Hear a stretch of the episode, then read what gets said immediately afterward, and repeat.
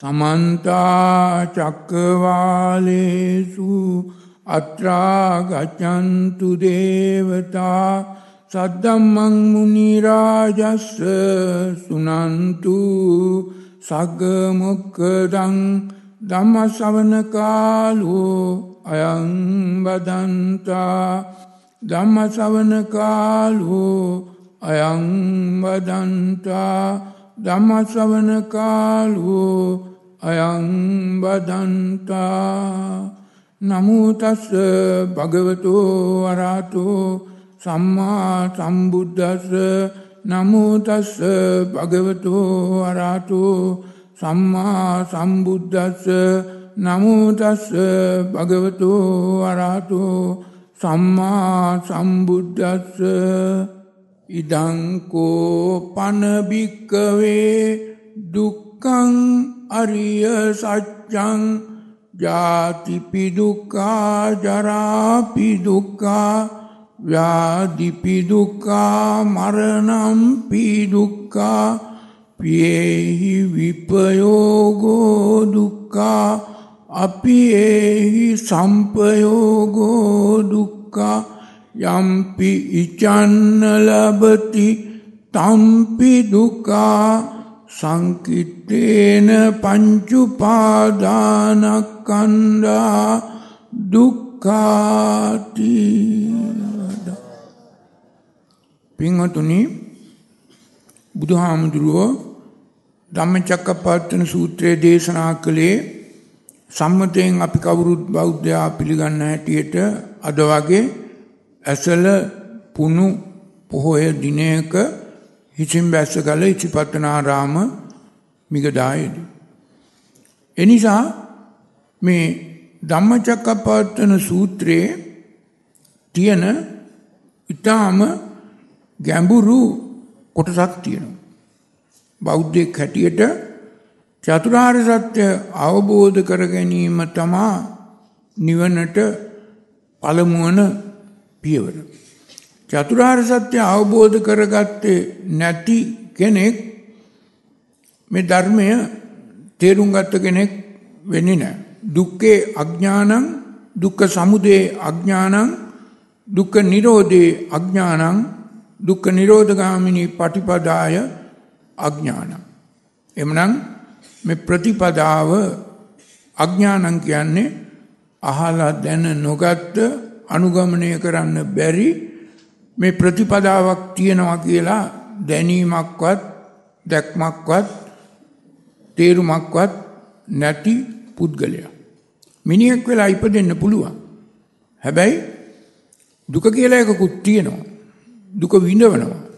නමුත් මේ දුක කොහොම මතුවන දෙයක්ද මේක මොකක්ද කියන එක තේරුම් නොගත්ත පුද්ගලයකුට බුදුහාමුදුරුව විග්‍රහ කරන්න ගත්තේ මේ දුක්කේ අඥානන් දුක්ක සමුදේ අඥානං දුක නිරෝධයේ අඥානං දුක නිරෝධගාමිනී පටිපදාය අඥානම්. එනිසා සෑම කෙනෙක්ම චතුරාර් සත්‍ය අවබෝධ කර ගැනීම තමා නිවන් දැකීම කියන්න. චතු අරිය සච්ච. හොඳට තේරුම් ගන්න ඕන වචන කීපයක් තියෙන්නේ චතු කියන්නේ හතර. අරිය කියන්නේ මේ රිය ගමන මේ සංසාර රිය ගමන තේරුම් අරගෙන මේ සංසාර රිය ගමනට හේතු කරුණුකාරණා තේරුම් අරගෙන මේ රිය ගමන අත්තරින්නට උපකාර වන ආර්ය සත්‍ය කියන අරිය සත්‍ය. මේක සත්‍යයන් හතරක්. මෙ කිසි දවසක කාටවත් වෙනස් කළ හැකි දෙයන්න මේ පරම පවිත්‍ර පිරිසිදු බුදුවරයෙක් පමණක් මතු කල්ලා දේශනා කරන සත්‍ය නිසා පරම සත්‍ය නිසා පරමාර්ථ සත්‍ය නිසා මේකටකුව චතු අරිය සච්ච කියලා. මේ චතු අරිය සච්ච තියෙන්නේ මේ සංසාර රිය ගමන නවත්තන්න. පැවැත්ම අපැත්මක් කරන්න. පැවැත්ම කියන්නේ බුද්ධ දේශනාවට අනුව පැවැත්ම කියන්නේ රාගය දවේශය මෝහය තවදුරටත් දිගින් දිගටම පවත්වාගෙන යායන් තන්හා පෝනෝ භවිකා තත්‍ර තත්‍රාභිනන්දනී කියලා මේ ධම්මචක්කපවත්තන සූත්‍රයේ දේශනා කළා. එනිසා යම්කිසි කෙනෙක් රාගය, ద్వේෂය, මෝහය හිතේ උපදිනවා නම් අනුසය හැටියට තණ්හා අනුසය, පටිඝානුසය, අවිද්‍යා අනුසය උපදිනවා නම් රාගය, ద్వේෂය, මෝහය උපදිනවා. පැවැත්ම පවත්වාගෙන යනවා ඒ පුද්ගලයාට මේ චතුරාර්ය සත්‍ය අවබෝධ නොවු නිසායි මේ රාගය, ద్వේෂය, මෝහය වටිනවා කියලා, සාරයි කියලා, ප්‍රියයි කියලා, මිහිරි කියලා, මනාපයි කියලා ප්‍රිය දෙයට ඇලෙන්නේ, අප්‍රිය දෙයට ගැටෙන්නේ, ප්‍රිය අප්‍රිය අතර වැරදිසේ අයෝනිසෝ මනසිකාරයෙන් මනින්නේ. එනිසා පින්වතුනි බෞද්ධයෙක් හැටියට බුද්ධ ධර්මය බුද්ධ ආගම නෙමේ බුද්ධ ධර්මය අනුගමනය කරන පුද්ගලයෙක් මාර්ගචර්යාව තේරුම් අරගෙන මග යන පුද්ගලයෙක්. මේ කියන චතු අරිය සත්‍ය කියන එක පිළිබඳව බුදුහාමුදුරුවෝ අර ධම්මචක්කප්පවත්තන සූත්‍රයේ දේශනා කළා වගේ ත්‍රිපරිවට්ටන් ද්වා දස ආකාරම් කියන ආකාරයට මේ චතු අරිය සත්‍ය එමනන්න නිවන් දකින්නට උපකාර වන මේ සත්‍යයන් අතර පරම සත්‍යයන් අතර පිළිබඳව තේරුම් ගත යුතුයි. දැන් මෙතෙන්දි මම මේ ආර්ය සත්‍ය හතරම අද විග්‍රහ කරන්න පුළුවන් කමක් නැහැ. මොකද ඒක බොහෝම ලොකු දිග කාර්යයක්. නමුත් අපි පළවෙනි ආර්ය සත්‍ය පැහැදිලිව පිරිසිදුව තේරුම් ගත්තනම් ඉතුරු ආර්ය සත්‍ය පිළිබඳව එච්චර ගැටලුවක් ප්‍රශ්නයක් ඇත්තේ නැහැ. බෞද්ධයෙක් වුණාම මිනිහෙක් වෙලා ඉපදුනාම මේ බුද්ධ දේශනාව බුද්ධ ධර්මය ජීවමානව පවතින මේ වගේ යුගයක කාලයක අපි තේරුම් ගන්න ඕන මේ දුක්ඛ අරිය සත්‍ය කියන එක පළවෙනි ආර්ය සත්‍ය හරි හැටි අර්ථ ධර්ම නිරුක්ති පටිසම්භිදා විග්‍රහයක් සහිතව තේරුම් ගන්න. මේක තේරුම් ගන්න බැරි විදිහට අද විකෘති කළ විනාශ කළ තියෙන බවත් මේ ධර්ම දේශනාව අවසාන වෙනකොට මේ පින්වතුන්ට තේරුම් යයි. ඒ නිසා මේක හොඳට කල්පනා කළ යුතු දෙයක් මේ දුක්ඛ අරිය සත්‍ය කියන්නේ මොකද්ද? ඉදංකෝ පන භික්කවේ දුක්ඛං අරිය සත්‍යං.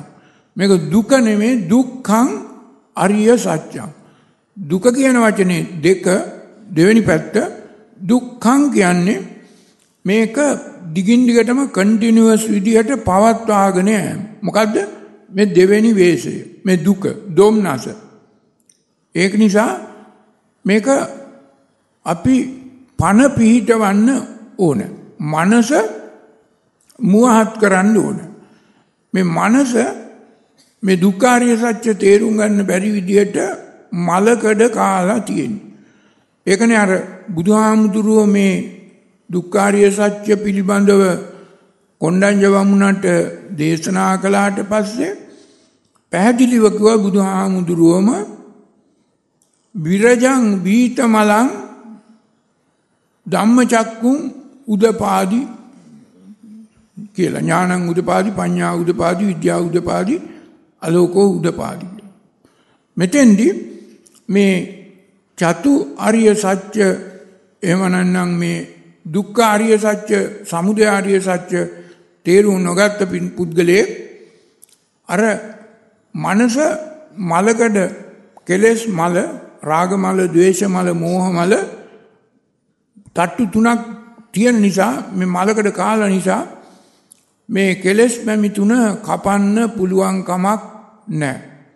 එතකොට මේ මලකඩ කාපු ආයුධය පන පෝලා පණ තියලා පණ පිහිටවලා කෙලෙස් මැමිතුන කපන්න පුළුවන් විදිහට සකස් කිරීම තමා මෙතෙන්දි බුදුහාමුදුරුවෝ මේ පණ කියන වචනෙන් විග්‍රහ කරලා විස්තර කරලා පැහැදිලි කරලා දුන්නේ.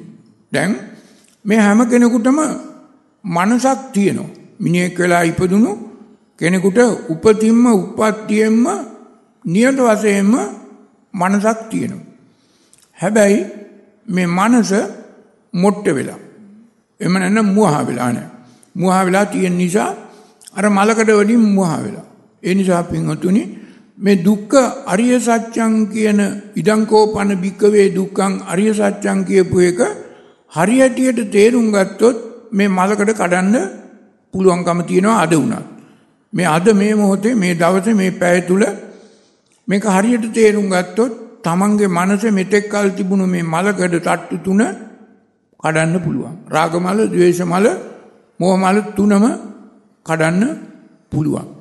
දැන් මෙතන හොඳට තේරුම් ගන්න ඕන මේ දුක්ඛ අරිය සත්‍යං විග්‍රහ කරද්දී බුදුහාමුදුරුවෝ දේශනා කරපු විග්‍රහ කරපු දේ වචන නිවැරදිව අර්ථ ධර්ම නිරුක්ති ඇතුව සාත්තං සභ්‍යංජනං කේවල පරිපුන්නම් පරිසුද්ධං කියන ආකාරයට තේරුම් ගන්න ඕන.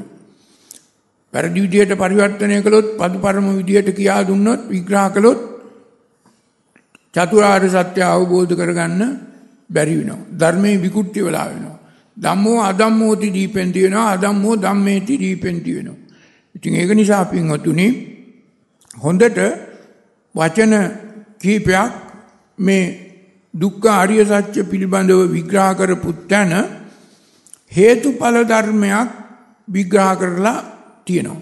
මේක මම අවධාරණයෙන් ප්‍රකාශ කරනවා මෙතන බුදුහාමුදුරුවෝ හේතුඵල විග්‍රහයක් කළේ. ඵලය තමා දුක්ඛ දුක්ඛං දුක්ඛේ කියලා කිව්වේ. එහෙමනම් දැන් ජාතිපි දුක්ඛා ජරාපි දුක්ඛා ව්‍යාධිපි දුක්ඛා මරණම්පි දුක්ඛා පියේහි විප්පයෝගෝ දුක්ඛා අපියේහි සම්පයෝගෝ දුක්ඛා යම්පි ඉච්ඡන් නලබති තම්පි දුක්ඛා සංකිට්ඨේන පංච උපාදානස්කන්ධා දුක්ඛා කියපු තැන අට ආකාරයකට දුක්ඛා කියන ඵලය විග්‍රහ කරලා තියෙනවා. එහෙමනම් මේ බුදුහාමුදුරුවෝ මේ ධම්මචක්කපවත්තන සූත්‍රයේදී දේශනා කර වදාළේ දුක පිළිබඳව නෙමෙයි. දුකට හේතු පිළිබඳවයි. දුක කියන්නේ ඵලයක් විපාකයක්. තමන් උරුම කරගන්නා දෙයක්. තමන්ගේ වැරදි ක්‍රියාවක් නිසා තමන් උරුම කරගන්නා දෙයක් දුක්ඛ කිව්වේ. ඒ නිසා දැන් කවුරුවත්ම හිතුවත් යම් කිසි කෙනෙක් මේ දුක්ඛාරිය සත්‍ය කියන්නේ දුක පිළිබඳ විග්‍රහයක් කළා කියලා සම්පූර්ණම ඒ පුද්ගලයා නොමග ගියා මුලා වුණා වැරදි දෙයක් තේරුම් ගත්තා චතුරාර්ය සත්‍ය අවබෝධයට ඒ පුද්ගලයාට ඉඩක් නැහැ. දුක කියන්නේ ඵලයක්. පැහැදිලිව පිරිසිදුව මේක තේරුම් ගත යුතුයි. මේ දුකට හේතුවක් තියෙනවා. මේ හේතුව තමා බුදුහාමුදුරන්ගේ ධර්මය හේතුඵල ධර්මයක්. හේතුව හොයලා හේතුවම නැති කිරීමෙන් පමණයි ඵලය නැති කරගන්නට, නිරුද්ධ කරගන්නට, එකෙන් මිදෙන්නට, නිදහස් වෙන්නට පුළුවන්. මෙතෙන්දී බුදුහාමුදුරෝ දේශනා කරපු වචන ඊ타මාත්ම පැහැදිලි ඊ타මාත්ම පිරිසිදුයි ඊ타මාත්ම සරලයි ජාතිපි දුක්ඛ ජරාපි දුක්ඛ ව්‍යාධිපි දුක්ඛ මරණම්පි දුක්ඛ. මෙතන තියෙන අපින්වතුනි මේ දුක කියන ඵලයට හේතුව පිරි අපිරි ප්‍රිය අප්‍රිය.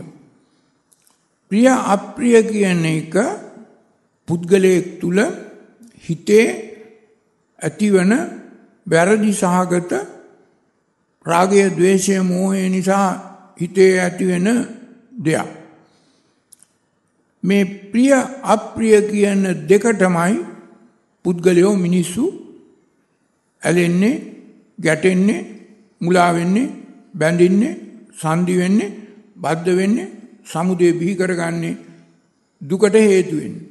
ඒ නිසා මේක හොඳට තේරුම් ගන්න ඕන. බුදුහාමුදුරුව මේ උතුම් ධර්ම දේශනාවේදී ධම්මචක්කප්පවත්තන සූත්‍රයේදී මේ චතුරාර්ය සත්‍ය විග්‍රහ කරපු තැන පැහැදිලිව පිරිසිදුව දේශනා කළේ ජාති පි දුක්ඛා ජරාපි දුක්ඛා ව්‍යාධිපි දුක්ඛා මරණම්පි දුක්ඛා. මේ පි කියන එක පි අපි දෙකම තියෙනවා මෙතන. මේක පැහැදිලි ජාති අපි දුක්ඛා ජරා අපි දුක්ඛා ව්‍යාධි අපි දුක්ඛා මරණම් අපි දුක්ඛා දැන් එතකොට මේ පිරි අපිරි ප්‍රිය අප්‍රිය කියන එක තමා පුද්ගලයෙකුගේ දුකට හේතුව වෙන්නේ. මේ පිරි ප්‍රියදේ අපිරි අප්‍රියදේ ඒ ප්‍රිය අප්‍රිය ආකාරයට කවදක්වත් නිච්චසේ සුඛසේ අත්ථසේ නවත්තන්න පවත්වන්න පුළුවන් කමක් නැහැ.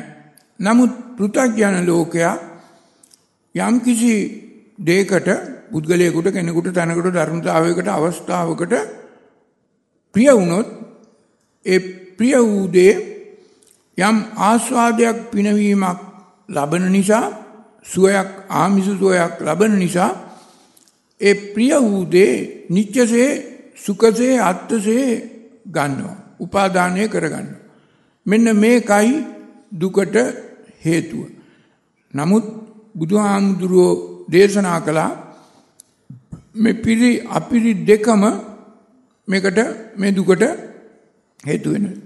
දැන් අප්‍රිය නිසා තමයි පුද්ගලයෙකුට තරහ යන්නේ, කේන්ති යන්නේ, වෛර කරන්නේ. තව දුක් දුම්නස් බොහෝ දේවල් උපදින හේතුව. ඒ වගේම ප්‍රිය වීම නිසා තමයි රාගය, තණ්හාව, ලෝභකම, ආශාව, අවශ්‍යතාවය බැඳීම, සංදිවීම, සම්බන්ධ වීම මේ ආදී කොට ඇත්තා වූ බොහෝ දේ සිද්ධ වෙන්නේ. පෘථග්ජන පුද්ගලයෝ ප්‍රිය දෙයට ඇලෙනවා දුකටපත් වෙනවා. අප්‍රිය දෙයට ගැටෙනවා වෛරයෙන් ද්වේෂයෙන් මෝහෙන් දුක්කටපත් වෙන ක්‍රියාකාරකම් කරනවා. ඒ අනුවම ප්‍රිය අප්‍රිය අතර මනිනවා මෝහෙන් කටයුතු කරනවා දුකටපත් වෙනවා. දුක කියන්නේ ඵලයක් බව පැහැදිලිව පිරිසිදුව සෑම කෙනෙක්ම තේරුම් ගත යුතුයි. මේ දුකට හේතුව ඒ ඒ පුද්ගලයාගේ ඒ වර්තමාන මොහොතේදී හිතේ උපදින ප්‍රිය අප්‍රිය දෙක අන්ත දෙකක් මේකයි හේතුව. අන්ත දෙකක්. මෙතන තියෙන්නේ ප්‍රිය කියන්නේ එක අන්තයක් අප්‍රිය කියන්නේ වැරදි තවත් අන්තයක්. මේ දුකට හේතුව අපි දැන් ඕනනම් හොයලා බලමු. දැන් ওই කරුණු හතර අනුව අපි ගම්මුකෝ මරණම්පි දුක්ඛා. දැන් මේ මරණය කියන එක ස්වාභාවික දෙයක්. නියත වශයෙන්ම මෙතන නෑ කිසිම කෙනෙක් මරණයටපත් නොවන. කවුරුත් දන්නවා. ඒ වගේම යම් කිසි පුද්ගලයෙක් මැරුණ තරමට කෙනෙකුට දුකක් ඇති වෙන්නේ නැහැ. සතුටක් ඇති වෙන්නේ නැහැ. පිරි අපිරි දෙකම නැහැ. දැන් අපි කල්පනා කරලා බලමුකෝ ඉන්දියාවේ හරි එක්ක ලෝකෙක වෙන කොහේ හරි රටක මොකක් හරි හේතුවක් නිසා 1000 2000ක් 100ක් බොහෝ අය මැරෙනවා. එහෙමනම් මේ මේ රටේ ඉන්න මිනිස්සු ඔය ඒ රටේ ඉන්න මිනිස්සු මේ 100ක් 200ක් 1000ක් 2000 මැරුණ එකට දුක් වෙන්න ඕන. ඒ අය දුක් වෙන්න. ඇයි ඒ අයට ඒකට බැඳිලා නැහැ. සම්බන්ධයක් නැහැ. පිරියෝ අපිරියෝ අනුව සම්බන්ධයක් ඇති වෙලා නැහැ. නමුත් තමන්ගේ ගෙදර තමන්ගේ පවුලේ තමන්ගේ හිතකැත්තෙක් තමන් ආදරය කළ ආශාවෙන් සම්බන්ධ වූ කෙනෙක් මැරුණොත් අන්නේ මරණය දුක වෙන්නේ අර ප්‍රිය බව කියන හේතුව නිසායි. ඒ ප්‍රිය බව තමන් හදාගත්ත වැරදි මිම්මක් මානයක්. මේක හොඳට තේරුම් ගන්න ඕන එතකොට මේ තමන් හදාගත්ත වැරදි මිම්මක් මානයක් තමා මේ ප්‍රිය බව. එතකොට මේ තමන්ගේ වරදක් මිසක මේක මරණය කියන ස්වාභාවික දේ කාටත් පොදු දේ නෙමෙයි දුක තමන්ගේ හිතේ තමන් හදාගත්ත වැරදි තීරණයක් ලෙස ගත්ත ප්‍රියදේ ඇලෙන ගතිය වැරදි.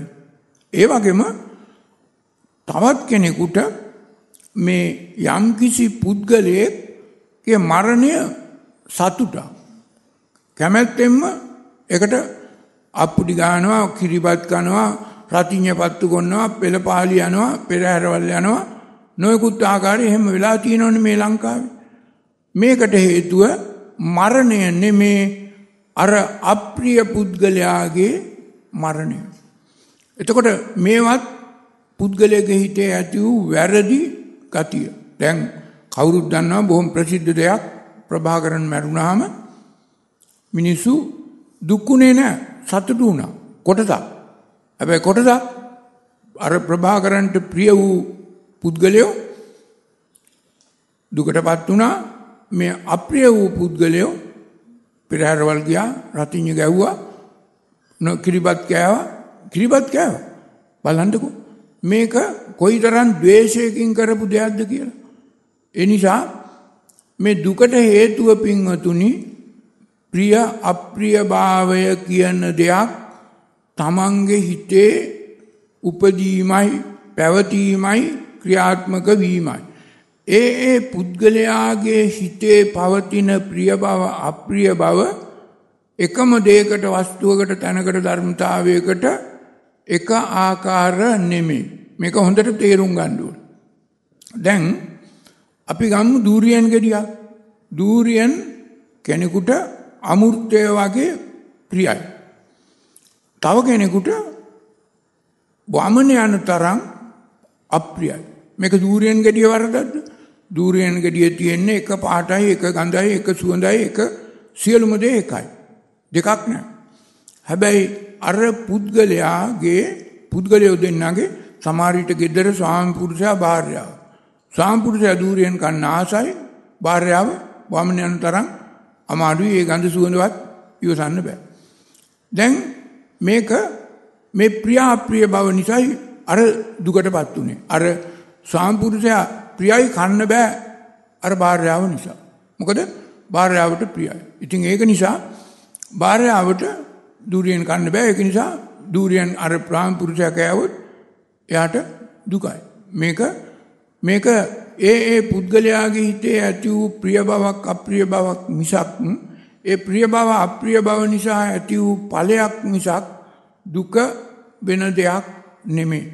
මේක යම් කෙනෙක් තේරුම් ගන්නා තාකල් මේ චතුවරිය සත්‍ය කියන මේ ආර්ය සත්‍ය මේ රිය ගමන අත්තරින්නට උපකාර වන්නා වූ පරම අරිය සත්‍ය හතරෙන් පළවෙනි එක තේරුම් ගන්න පුළුවන් කමක් ලැබෙන්නේ නෑ.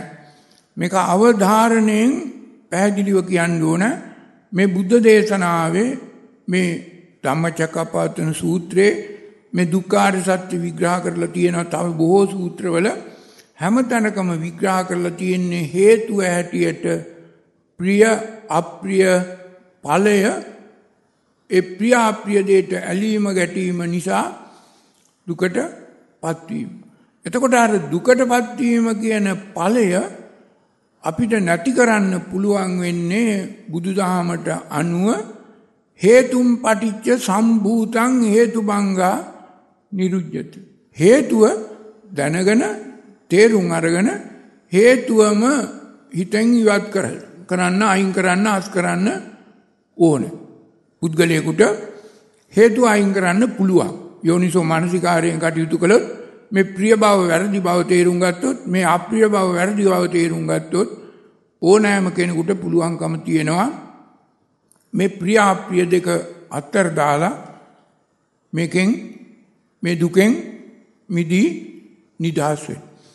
ඒ වගේම මේ ප්‍රියාප්‍රිය බව යම් කිසි කෙනෙකුගේ හිතේ යමක් කෙරෙහි ධර්මයක් තැනක් අවස්ථාවක් පුද්ගලයෙක් සත්වයක් කෙරෙහි තියෙනවා නම් ඒක මේ ලෝකේ ස්වභාව ධර්මයක් තියෙනවා සියලු දේ විපර්ණමයටපත් වෙලා අන්‍යතාභාවයටපත් වෙලා වෙනස් වෙනවා කියලා.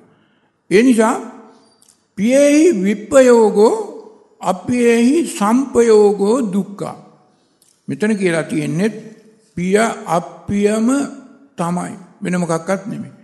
පියේහි විප්පයෝගෝ කිව්වේ ප්‍රියයන් ප්‍රිය දෙයක් ප්‍රිය තැනක් ප්‍රිය අවස්ථාවක් ප්‍රිය ධර්මතාවයක් අපිට අහිමි වෙලා ගියොත් වෙනස් වෙලා ගියොත් හැබැයි වෙනස් වීම නියත ධර්මතාවයක් ස්වාභාවික දෙයක්. ප්‍රිය දේ කවදක්වත් ඒ ආකාරයට ඒ ස්වභාවයෙන් ස්වරූපයෙන් පවත්වන්න නවත්තන්න පුළුවන් කමක් නැහැ නිච්ච නැහැ සුඛ නැහැ අත්ව නැහැ. මේක මිනිසු තේරුම් ගත්තේ නැහැ. ගන්නත් බෑ. ප්‍රිය දෙයට ඇලීම තමා පෘථග්ජන පුද්ගලයාගේ තියෙන සුවය ආමිෂ සැපත ආමිෂ සුවය නමුත් අර පියේහි විප්පයෝගෝ අපියේහි සම්පයෝගෝ අප්‍රිය දේ සමග සම්බන්ධ වීම එකතු වීම Tamanට උරුම වීම හිමි වීම නියත වශයෙන්ම සිදු වෙනවා. ඒක නවත්තන්න කාටවත් බෑ මේ ලෝක විපරිණාමයේ තියෙනකම්. ඒ වගේම මේක හොඳට තේරුම් ගන්න ඕනේ මේ පිය අප්පිය තමා මේ දිගටම කියලා තියෙන්නේ. යම්පි ඉච්ඡන්න ලබති තම්පි දුක්ඛ. යම්පි ඉච්ඡං යම් ප්‍රිය වූ මනාප වූ දෙයක් කැමැත්තට ආකාරයට කැමති වූ ආකාරයට නලබති. නොලැබුණොත් එතන දුකක්. දැන් අර හිවලෙක් මිදිවල්ලක් දැක්කා දැකලා උඩ පැන්න උඩ පැන්න හැබැයි ප්‍රියයි හැබැයි ලැබුණේ නැහැ ලබා ගන්න බෑ හිවලට ඉච්චර උඩ පනින්න බෑ ඊට පස්සේ මෙතන තමා මේ ඉච්ඡ නලබති ඒක නිසා සෑම කෙනෙකුටම මේ දුකට හේතුව ද්වේෂයට හේතුව අර හිවලා මිදිවල්ල කෙනෙහි ද්වේෂයක් ඇති වෙලා කිව්වොත් චිත්තයි කියලා. මේක අර ප්‍රියාප්‍රියභාවයේ හිතේ ඇති වූ වෙනසක්. ඉතින් ඒක නිසා මේක හිවලට විතරක් නෙමේ සියලුම දෙනාට මේක සර්ව සාධාරණයි. පෘථග්ජන ලෝකයාට. මේ කියපු දේ මේ ප්‍රියාප්‍රියතාවය තමන්ට කැමතිසේ නොලැබුණොත් යම්පි ඉච්ඡන්න ලබති තම්පි දුක්ඛ එතනම තමා දුකේ උල්පත උපත. ඒක නිසා ඊළඟට කිව්වා සංකිට්ඨේන පංච උපාදානස්කන්ධා දුක්ඛ. මේ උපාදානය කරගෙන උපාදානය කරගන්නට උපකාර වන්නේ ඔය ප්‍රිය අප්‍රිය කියන ගති දෙකමයි. පංච උපාදානස්කන්ධේ රූප වේදනා සංඥා සංකාර විඥාන. මේ උපාදානය කරගත්ත රූප වේදනා සංඥා සංකාර විඥාන කියන පහ ලක්ෂණ තුනකින් සංකිට්ඨේන තේන කියන්නේ තුන මේ සංකතයක නියත වූ ලක්ෂණ තුනක් තියෙනවා. මේ නියත වූ ලක්ෂණ තුන කාටවත් වෙනස් කරන්න පුළුවන් කමක් නැහැ. මේ උපාදානය කරගන්නා පංචස්කන්ධය නිත්‍යසේ සුඛසේ අත්‍යසේ පාත්තන්න බෑ අනිච්චයි ධර්මතාවය නියත ධර්මතාවය. ඒ වගේම මේ උපාදානය කරගන්නා දේ යද නිත්‍යං තන් දුක්ඛං යන් දුක්ඛං තද නත්තං අනත්ත වීමට අනාත වීමට හේතුවක්. එතකොට ඒ වගේම පටිච්ච සමුප්පන්නයි. පංචස්කන්ධය උපාදානය කරගත්තොත් මේ හේතුඵල ධර්මයට අනුව පටිච්ච සමුප්පන්නයි පටිච්ච වීම නිසා සංඋපාදනය වෙනවා. දැන් මෙතන මේක අනිත්‍ය වූ අනත්ත වූ පටිච්ච සමුප්පන්න වූ පංචස්කන්ධයක් උපාදානය කරගත්තොත් ඒක වෙනස් වෙලා විපරණාමයට පත් වෙලා අන්‍යතාභාවයට පත් වෙලා තමන් කැමතිසේ රිචිසේ මනාපසේ නිත්‍යසේ සුඛසේ පවත්වන්න බැරි නිසා පුද්ගලයෙකුට දුක කියන ඵලය ලැබෙනවා උරුම වෙනවා. දැන් පින්වතුනි හොඳට තේරුම් ගන්න ඕන මේ බුදුහාමුදුරුව දේශනා කරවදාල උතුම් ධර්මය මෙතන තියෙන්නේ හේතුවකුත් ඵලයකුත්. හේතුව පෘථග්ජන පුද්ගලයෙක් තුල උපදින ප්‍රිය අප්‍රිය බව. යම් කිසි ආකාරයකට මේ ප්‍රිය අප්‍රිය බව කෙනෙක් වැරදි බව තේරුම් ගන්න පුළුවන් වුණොත් තමන්ගේ හිතේ උපදින මේ ප්‍රිය බව නිසායි ඇලීම රාගය ලෝභය තණ්හාව ආශාව අවශ්‍යතාවය උපාදානය සිද්ධ වෙන්නේ. ඒ වගේම අප්‍රියතාවය, ද්වේෂය, වෛරය, ක්‍රෝධය, ඊර්ෂ්‍යාව, පටිඝය, ඉස්සා මරිච්ච මේ ආදී කොට ඇත්තා වූ සියලු කෙලෙස් උපදින්නේ දෙවෙනි වේශයෙන් දුම්නසින් මෙන්න මේ අප්‍රිය බව තමන්ගේ හිතේ තියෙන නිසායි. දැන් අර දූරියන් ගෙඩිය වගේම සෑම කෙනෙක්ම කල්පනා කරගන්න ඕන. අපි කියමු අල්ලපු ඇටේ අල්ලපු ගෙදර ඉන්න මිනිහා පිළිබඳව තමන්ගේ හිතේ ඇති වෙනවා එක්ක ප්‍රිය බවක් එක්ක අප්‍රිය බවක්. මේක තමන්ගේ හිතේ ඇති වූ වැරදි දෙයක් බව වැරදි මිම්මකින් මැන්න බව ඒ වැරදි මිම්මට තමන්ගේ පෘථග්ජන මැනීම මානය හේතු බව යම් කෙනෙක් තේරුම් ගත්තේ නැත්නම් අර අල්ලපු ඇටේ ඉන්න මිනිහා එක්ක තරහකාරයා එක්ක වෛරක්කාරයා වුණා එක්ක මිත්‍රයෙක් වුණා. මෙතෙන්ට හේතුව මේ ප්‍රියාප්‍රිය බව මිසක් වෙන මොකක්වත් නෙමෙයි. එතකොට අපි හිතමුකෝ අල්ලපු ඇටේ ඉන්න මිනිහා තරහකාරය වෛරක්කාරය විරුද්ධකාරය කියලා Taman තීරණය කළා කියලා. ඒ මිනිහා මෙලෝ හසරක් දන්නේ නැහැ. ඒ මිනිහාගේ හිතේ තරහකුත් නැහැ. ඒ මිනිහා තරහ වෙලත් නැහැ. හැබැයි Tamanගේ හිත Taman කොච්චර කිලුටු කරගෙන මේ චතුරාර්ය සත්‍ය අවබෝධ කරගන්නට බාධා වන කොච්චෙක් දේ මේක සිදු වෙනවද කියලා Tamanට කල්පනා කරගන්න පුළුවන් කමක් ඇති වෙනකම් මේ චතුරාර්ය සත්‍ය අවබෝධ වුණා කියන්න බෑ. එහෙමනම් මේ ලෝකෙ තියෙන සියලුම දේවල් ගැන අපි අල්ලගන්නේ උපාදානය කරගන්නේ අයිති කරගන්නේ එකතු කරගන්නේ ගොඩ ගහගන්නේ සියලුම දේ මේ ප්‍රියයි කියන මිම්මක් වැරදි මානයක් මැනීමක් තමන්ගාව වැරදි කෝදුවක් තියෙන නිසායි. මේක වැරදි කෝදුවක් මිම්මක් මානයක් මැනීමක්. මේක තමන් විසින් තමන් සඳහා තමන්ගේ දැනුමානුව සකස් කරගත්ත වැරදි මිම්මක් බව යමෙක් තේරුම් ගන්නා තාක්කල් මේ චතුහරිය සත්‍ය අවබෝධ කරගන්නට පුළුවන් කමක් ලැබෙන්නේ නැහැ. ඒ නිසා යම්කිසි පුද්ගලයෙක් තේරුම් ගන්න ඕන මේ පෘථග්ජන ලෝකේ තමන්ගේ මේ හිතේ ඇතිවන ප්‍රියාප්‍රිය කියන දෙකම තමන් විසින්ම හදාගත්ත තමන්ටම දුක උරුම කර දෙන තමන්ගේම හිතේ රාගය ద్వේෂය මෝහය ඇති කරවලා තමන්ගේ මනස මොට්ට කරවන දෙයක්.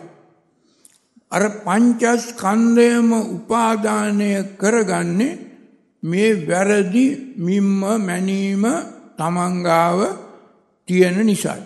ඒ උපාදානය කරගත්ත දේ බරක් වෙන්නේ බය බයට හේතුවක් වෙන්නේ බැම්මකට බැඳෙන්නේ දැලකට අහුවෙන්නේ ජාලයකට මේ කියන කරුණු මේ ප්‍රියාප්‍රිය බව තමන්ගාව තියෙන වැරදි මැනීමක් බව නොදන්නා නිසයි. ඒ නිසා යම්කිසි කෙනෙකුට මේ පෘථග්ජන තත්වයේ ඉන්න කෙනෙකුට මේ ප්‍රියාප්‍රිය කියන වැරදි මැනීම තියෙනවා. හැබැයි මේක වරද්ද තේරුම් ගත්තොත් මේ වැරද්දෙන් මිදී නිදහස් වෙන්න පුළුවන් තමන්ට. මේ සඳහා තමන් මේ උතුම් බුද්ධ ධර්මය නිවැරදිව පිරිසිදුව පැහැදිලිව අර්ථ ධර්ම නිරුක්ති සහිතව මේ පිරි අපිරි දෙක පිළිබඳව තේරුම් ගන්න ඕන. ධම්මචක්කපවත්තන සූත්‍රයේ ඔය ත්‍රිපරිවට්ටන් ද්වාදසාකාරං විග්‍රහ කරද්දී මේ දුක්ඛ අරිය සත්‍ය පිළිබඳව බුදුහාමුදුරුව විග්‍රහ කළේ පරිඤ්ඤාතං පරිඤ්ඤය පරිඤ්ඤාතಂತಿ පරිඤ්ඤයං පරිඤ්ඤය පරිඥාතಂತಿ හොඳට ඕනනම් ධම්මචක්කපවත්තන සූත්‍රයේ කියවලා බලන්න. මේ පරිඥාතං පරිඤ්ඤය පරිඥාතන්ති කියන්නේ පිරිසිඳ දකින්න ඕන. පිරි අපිරි දෙකම වැරදි අන්ත දෙකක් මේ දෙකම සින්දොත් උපේක්ඛාසිතක් පුද්ගලයා තුළ ඇති වෙනවා. එහෙමනම් මේ උපේක්ඛාව කියන එක ඇති වෙන්නේ පිරි අපිරි දෙකම සිඳ යමක් කෙරේ දකින්න මනින්න බලන්න තීරණය කරන්න පුළුවන් පුද්ගලයෙකුට. මේ පිරි අපිරි දෙක පවතින තාක්කල් පිරිසිඳ දැක්මක් නැහැ.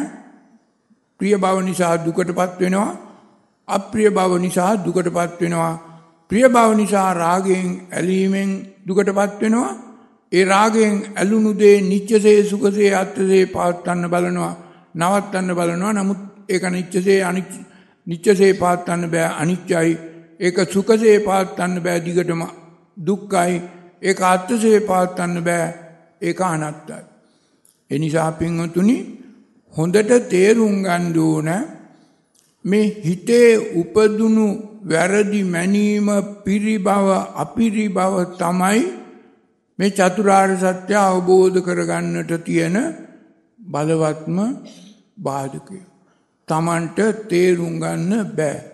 තමන් මේ පැවැත්ම රාගය ద్వේෂය මෝහය දිගින් දිගටම පවත්වාගෙන යන්නේ මේ හිතේ පිරි අපිරි අන්ත දෙකට දෝලනය වෙන නිසා පිරි නිසා රාගයෙන් ඇලෙනවා අපිරි නිසා ද්වේෂයෙන් ගැටෙනවා පිරි අපිරි දෙක අතර මැනීම නිසා අයෝනිසෝ මනසිකාරයෙන් මෝහය උපදිනවා. එහෙමනම් මේ පංචස්කන්ධයම උපාදානය කරගන්නේ පිරි අපිරි දෙකම පෘථග්ජන පුද්ගලයෙක් තුල තියෙන නිසායි. මේ උපාදානය කියන එකෙත් හොඳට තේරුම් ගන්න ඕන බුදුහාමුදුරුවන්ගේ ධර්මයේ දෙපැත්තක් තියෙනවා.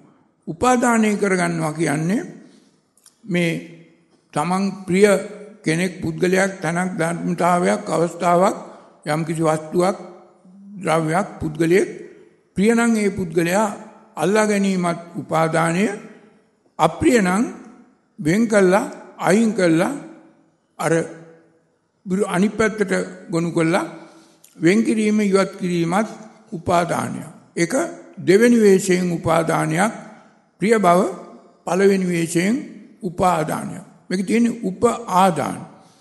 එනිසා හොඳට තේරුම් ගන්න ඕන පිරිභවෙන් අපිරිභවෙන් දෙකෙන්ම පෘථග්ජන පුද්ගලයෙක් මේ පංචස්කන්ධයම උපාදානය කරගන්න. හැබැයි අර පරිඥාතම් පරිඥය තේරුම් ගත්තොත් එහෙම නැත්නම් පිරි අපිරි දෙකම සිඳලා උපේක්ඛාසිතකින් කටයුතු කරන්න පුළුවන් වුණොත් අර ලාභ අලාභ දුක සැප යස අයස නිന്ദා ප්‍රශංසා අටලෝ දහමම උපන්නේ පින්වතුනි හිතක මේ පිරි අපිරි නිසයි දැන් ලාභය ප්‍රියයි අලාභය අප්‍රියයි දුක අප්‍රියයි සැප ප්‍රියයි. නින්දා අප්‍රියයි ප්‍රශංසා ප්‍රියයි. ඒක නිසා මේක හොඳට තේරුම් ගන්න ඕන මේ අටලෝ දහමම අර පෘථග්ජන පුද්ගලයන් තුල තියෙන දෙපැත්තක් දොතාවයක් ඔය කරුණු හතරක් සම්බන්ධව. යම් කිසි කෙනෙකුට පිරිසිඳ උපේක්ඛාසිතකින් බලන්න පුළුවන් නම් තීරණය කරන්න පුළුවන් නම් පරිහරණය කරන්න පුළුවන් නම් යමක් ඒ පුද්ගලයා අටලෝ දහමටම ඇලෙන්නෙත් නෑ ප්‍රිය වෙන්නෙත් නෑ ගැටෙන්නෙත් නෑ අප්‍රිය වෙන්නෙත් නෑ ඒ පුද්ගලයා පිරිසිඳ දකින්න පටන් ගන්නවා දැන් යම් කිසි කෙනෙක් මේ චතුරාර්ය සත්‍ය නිවැරදිව පිරිසිදුව හේතුඵල ධර්මයට බහා ගලපා බලා හේතුව හේතුව හැටියට දැක්කොත් දුක තමා හේතු. ඵලය ඵලය. දුක තමා ඵලය. හේතුව තමන්ගේ හිතේ ඉපදුණු ප්‍රිය අප්‍රිය බව. වෙන කිසි පුද්ගලයෙකුගේ හිතේ උපදුණු ප්‍රිය අප්‍රිය බව තමන්ගේ දුකට මුල් වෙන්නේ නැහැ හේතු වෙන්නේ නැහැ නිදාන වෙන්නේ නැහැ ප්‍රත්‍ය වෙන්නේ නැහැ අනුන්ගේ හිතේ උපදුණු ප්‍රිය බව අප්‍රිය බව නිසා ඒ ප්‍රිය බව අප්‍රිය බව උපදුණු පුද්ගලයාට දුක උරුමයි තමන්ට නෙමෙයි. ඒ වගේම තමන්ගේ හිතේ පවතින වැරදි මිම්මක් බව මේ ප්‍රිය බව අප්‍රිය බව යමෙකුට තේරුම් ගන්න බැරි නම් පිරිසිඳින්න බෑ පිරිසිඳ දකින්න බැරි නම් ඒ පුද්ගලයාට දුකෙන් මිදී නිදහස් වෙන්නත් බෑ. ඒක නිසා පින්වතුනි අම්මට තාත්තට හෝ පන්තලේ හාමුදුරුවන්ට හෝ දුවට පුතාට හෝ සහෝදරයෙකුට හෝ සාම්පුරුෂයාට භාර්යාවට හෝ මේ පිරි අපිරි කියන දෙක තමන්ගේ හිතේ උපදුන එක වෙන කෙනෙකුට නැති කරන්න බෑ පිටිසිනත දකින්න බෑ. පිටි සිඳින්න බෑ. හැබැයි තමන්ට පුළුවන්කම තියෙන්ඩුව. එනිසා බුදුහාමුදුරුවෝ මේ චතුරාර්ය සත්‍ය විග්‍රහ කරද්දී විග්‍රහ කළේ තම තමන්ගේ හිතේ වර්තමාන මොහොතේ වැරදි මිම්මක් නිසා උපදින ප්‍රිය බව අප්‍රිය බව සිඳලා පිරිසිඳ දැකලා උපෙක්ඛාසිතින් කටයුතු කරන්න ප්‍රකාශ කිරීමක් දේශනා කිරීමක් අනුදැන වැදෑරීම. එක හොඳට පැහැදිලිව පිරිසිදුව සෑම කෙනෙක්ම තේරුම් ගන්න ඕන බෞද්ධයෙක් හැටියට මේ චතුරාර්ය සත්‍ය ධර්මය තේරුම් ගන්න ඕනේ නම් මේ දුක පිළිබඳ පරම සත්‍ය තේරුම් ගන්න ඕනේ නම් තමන්ගේ හිතේ ඇති වූ යමක් පිළිබඳ දෙයක් පිළිබඳ පුද්ගලයෙක් පිළිබඳ තැනක් පිළිබඳ ඝන සංඥාවක් දෝ සංඥාවක් පිළිබඳව හෝ වෙනත් යම් ධර්මතාවයක් පිළිබඳව තමන්ගේ හිතේ ඇති වූ වැරදි තීරණයක් නිසා ඇති වූ ප්‍රිය බව අප්‍රිය බවයි බුදුහාමුදුරුව මෙතෙන්දී අවධාරණයෙන් අට අවස්ථාවකදීම විග්‍රහ කළේ.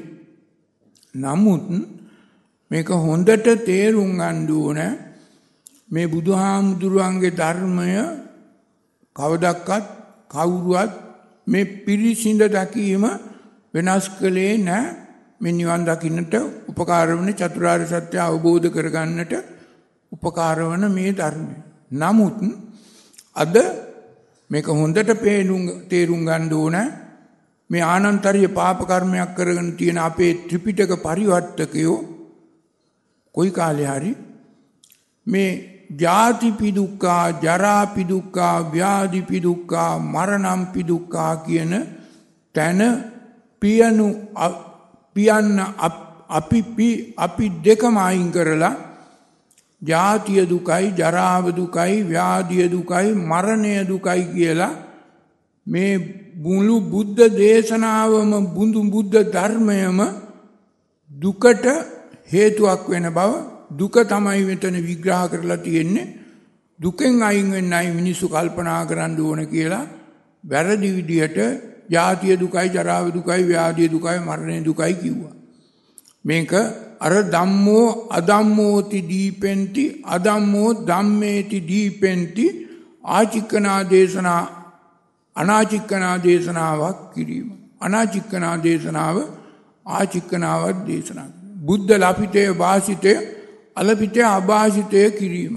මේක හොඳට තේරුම් ගන්න ඕන යම්කිසි කෙනෙක් අදත් ඔය ගුවන් විදුලිය ආද පෝය දවසේ ඉඳන් පන්සල්වල ගුවන් විදුලිවල නොයෙකුත් තැන්වල අදත් ඔය පිළිබඳව කියනවා ජාතිපි දුක්ඛා ජරාපි දුක්ඛා ව්‍යාධිපි දුක්ඛා මරණම්පි දුක්ඛා කියන්නේ ජාතිය දුකයි ජරාව දුකයි ව්‍යාධිය දුකයි මරණය දුකයි කියලා.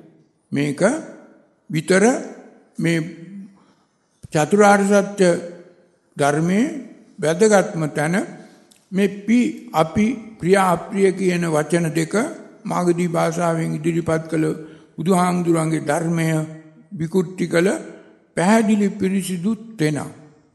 ඒක නිසා මම හිතනවා වසර ගණනාවක් තුල 7-800කටත් වැඩි කාලයක් තුල මේ නිවන අත්තර දාන්නට හේතුනේ මෙන්න මේ වැරදි අටුවාකාරයන්ගේ විග්‍රහය වැරදි මේ පිරි අපිරි දෙක හේතුව හැටියට බුදුහාමුදුරුව ඉදිරිපත් කළා ඵලය දුක. හේතුව පිරි අපිරි උපදින්නේ තමන්ගේ හිතේ තමන්ගේ හිතේ ඇති වුණු පිරි අපිරි දෙක තමන්ට මිසක් වෙන කාටවක්වත් වෙනස් කරගන්න පුළුවන් කමන්න. මේක වෙනස් කරගන්න නම් අපි මේ පිරි අපිරි දෙකම නිසා තමන්ගේ හිතේ දුකක් උපදින බව පැහැදිලිව පිරිසිදුව තේරුම් ගන්න ඕන මේ පංචස්කන්ධයම උපාදානය කරගන්නේ මේ පිළිබඳව ඔය සංකිට්ඨේන නියත කරුණු තුන අනිත්‍ය වූ අනත්ත වූ පටිච්ච සමුප්පන්න වූ බව නොදැන. ඒ නිසා පින්වතුනි මේ බුද්ධ ධර්මය විකෘති කළාට පස්සේ කෙනෙකුට බෞද්ධයෙකුට මේ හෙළබිමේ උපදුණයි කියලා කිව්වට මේ මධ්‍ය මණ්ඩලයේ ඉපදුණයි කිව්වට මේ චතුරාර්ය සත්‍යයේ පළවෙනි ආර්ය සත්‍යවත් තේරුම් ගන්න බෑ. අද ඔය ත්‍රිපිටකයේ පරිවර්තනය කරලා තියෙන පද පරම වැරදි නිග්‍රහයෙන් බැහැර කළ යුතු ඔය පරිවර්තනය නිසා. බුද්ධ ධර්මය අධර්මය කළ නිසා. ඉතින් ඒක නිසා සෑම කෙනෙක්ම කල්පනා කරගන්න ඕන මේ දුක්ඛාර සත්‍ය තේරුම් ගත්ත කෙනෙකුට පමණයි මේ පිරි අපිරි සිඳින්න පුළුවන් වූ කෙනෙකුට පමණයි ආනපාන කරන්න පුළුවන්කම් තියෙන. ආනපාන සති සමාධියේ පිහිටීම කියන්නේ භාවේ තබ්බංච භාවිතං පහතබ්බංච පහින. දැන් ඊළඟට තියෙන ආර්ය සත්‍ය තියෙන්නේ දැන් දුක්ඛාරය සත්‍ය තියෙන්නේ පරිඤ්ඤාතම් පරිඤ්ඤය පරිඤ්ඤාතන්ති. සමුදය ආර්ය සත්‍ය තියෙන්නේ පහතබ්බංච පහිනං පහියායන්ති. ඊට පස්සේ නිරෝධගාමී පටිපදා ආර්ය සත්‍ය තියෙන්නේ භාවිතබ්බංච භාවිතං භාවිතා තන්ති.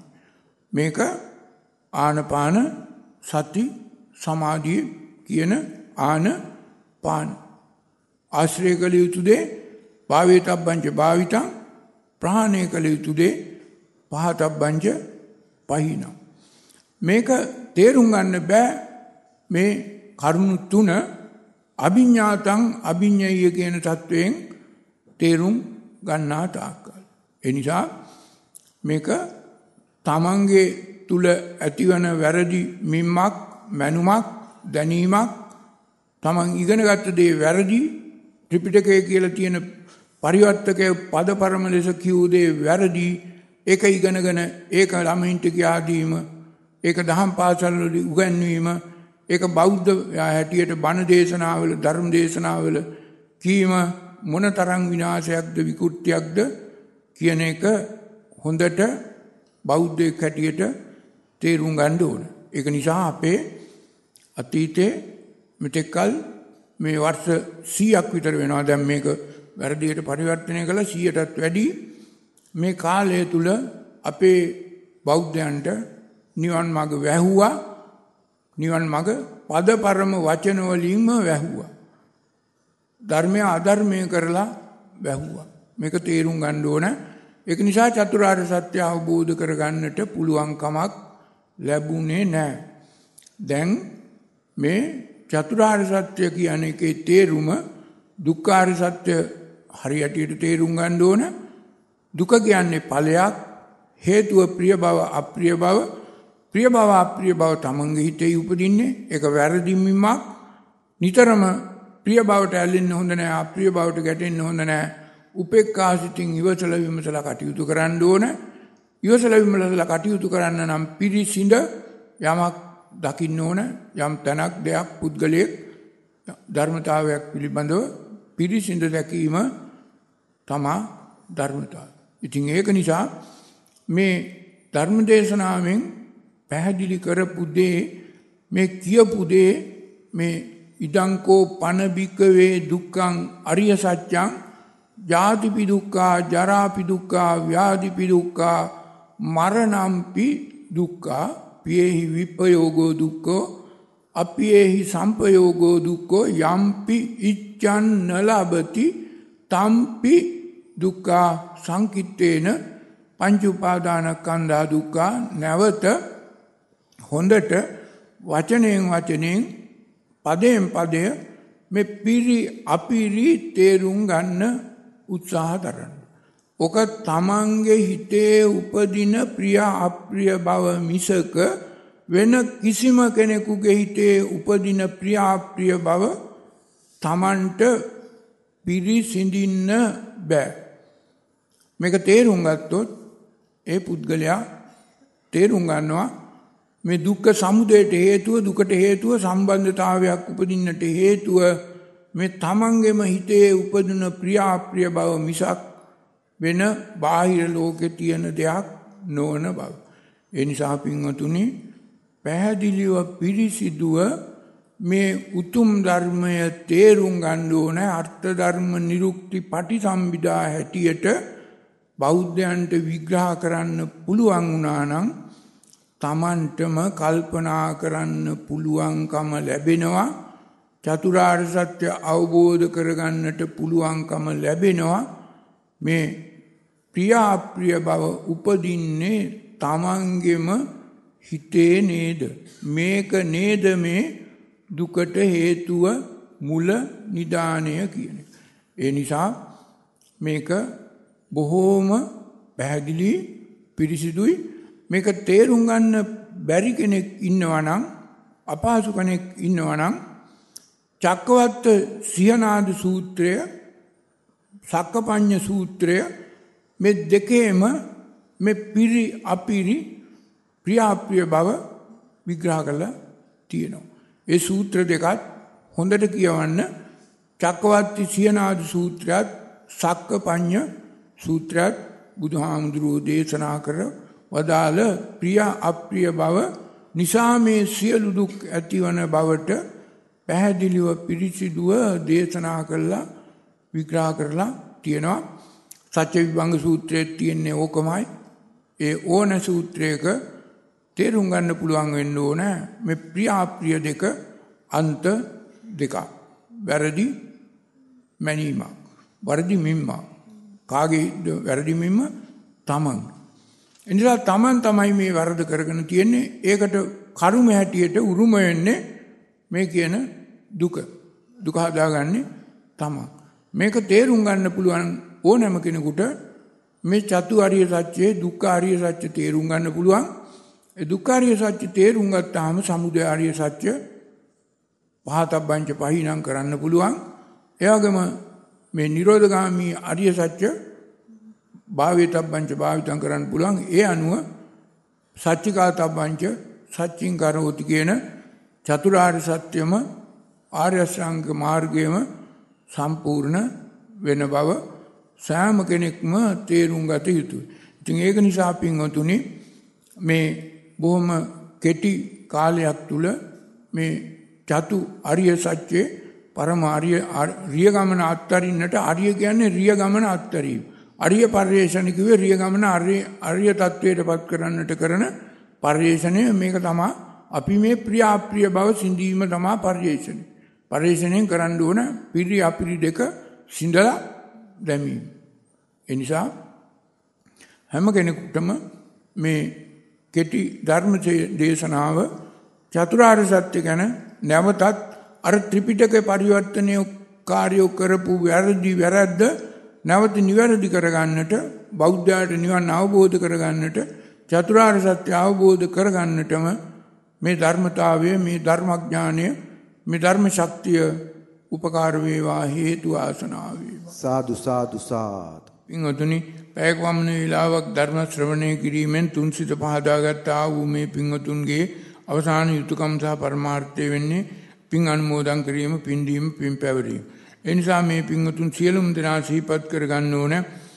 තමන්ගේ තුන් සිත පහදාගෙන ඒ තම තමන්ගේ යුතුයකමක් වගේමක් හැටියට සියලුම ඥාති මිත්‍රාදීන්ට පින් දීලා පින් පවරලා පින් අනුමෝදන් කරන්නට. ඒ නිසා මේ සංසාර ගමනේ කවදා කොතනකදී මොනියම් ආකාරයකින් හෝ තම තමන්ට උදව් කළ උපකාර කළ මඟ පෙන්වූ පිහිට වූ සම්බන්ධ වූ සියලුම ඥාති මිත්‍රාදීන්ට මව්තු මව්පියන්ට වැඩිහිටියන්ට ගුරුවර ඥාති මිත්‍රාදීන්ට පින් දීලා පින් පවරලා මේ පුණ්‍ය ශක්තියේ බලෙන් සියලු ඥාති මිත්‍රාදීන් සසර දුකින් මිදී නිදහස් වන්නට නිවන් සුවයෙන් සුවපත් වන්නටම මේ පුණ්‍ය ශක්තිය උදව් වේවා උපකාර වේවා හේතු ආසනා වේවා කියලා සාදුකාරය. ඒ වගේම සියලුම දෙවි දේවතාවුන් වහන්සේලාට පින් දීලා පින් පවරලා පින් අනුමෝදන් කළා. මේ පුණ්‍ය ශක්තියේ බලයෙන් සියලු දෙවියෝ සතර දුකින් මිදී නිදහස් වෙත්වා.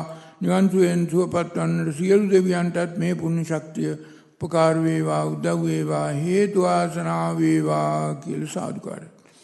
ඒ වගේම සියලු භූත පේත පිසාචාදී වූ අමනුෂ්‍ය කොට්ටාස ත්‍රිසං අපාගත සතර අපාගත සත්ව කොට්ටාස අසඤ්ඤ තලවල ඉන්නා වූ අනන්ත අප්‍රමාණ සත්වයන් කෙරෙහි අනුකම්පා සිතක් ඇතුව සියලු සත්වයින්ටත් පින් දීලා පින් පවරලා පින් අනුමෝදන් කළා මේ පුණ්‍ය ශක්තියේ බලෙන් සියලු සත්වයෝ සතර දුකින් මිදී නිදහස් වෙත්වා නිවන් සුවෙන් සුවපත් වෙත්වා කියලා සාදුකාරයක් දෙන්න. දැන් මේ පින්වතුන් මේ ගාථාවන් කියලා පින් අනුමෝදන් කරන්න ගාථාවන් කියන්න. එත්තාවතාචම්මේ සම්බදම් පුඤ්ඤ සම්පදං සබ්බේ දේවානුමෝදන්තු සබ්බ සම්පත්ති සිද්ධියා. එත්තාවතාචම්මේ සම්බදම් පුඤ්ඤ සම්පදං සබ්බේ භූතානුමෝදන්තු සබ්බ සම්පත්ති සිද්ධියා. එත්තාවතාචම්මේහි සම්බදම් පුඤ්ඤ සම්පදං. සබ්බේ සත්තානුමෝදන්තු සබ්බ සම්පත්ති සිද්ධියා. ඉදම්මේ ඥාතිනං හෝතු සුඛිතා හුන්තු ඥාතයෝ. ඉදම්මේ ඥාතිනං හෝතු සුඛිතා හුන්තු ඥාතයෝ. ඉදං ගෝ ඥාතිනං හෝතු සුඛිතා හුන්තු ඥාතයෝ. ඉමිනා පුඤ්ඤ කම්මේන මාමේ බාල සමාගමෝ. සතන් සමාගමෝ හෝතු යාව නිබ්බාන පත්තියා.